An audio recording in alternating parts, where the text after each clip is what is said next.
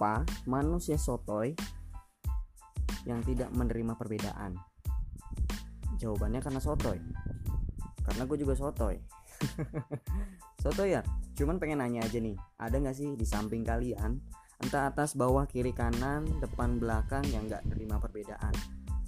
Masalahnya apaan sih? Kok ribet banget ya dan panjang kalau ngomongin sebuah perbedaan?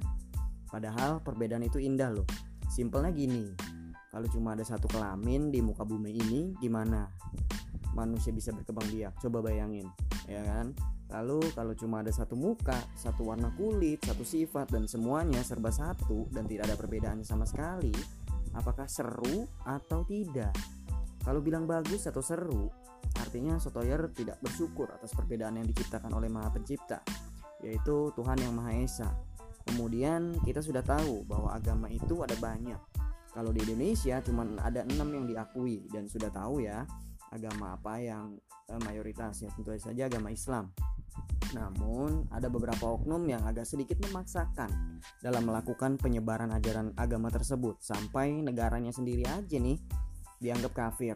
Ini adalah salah satu orang yang sangat tidak menerima ajaran yang dia percayai ya. Selain gitu ya, ajaran yang dia tidak percayai, saya sendiri sih tidak mempersalahkan jika orang belajar agama hingga ke akar-akarnya sih sotoyers.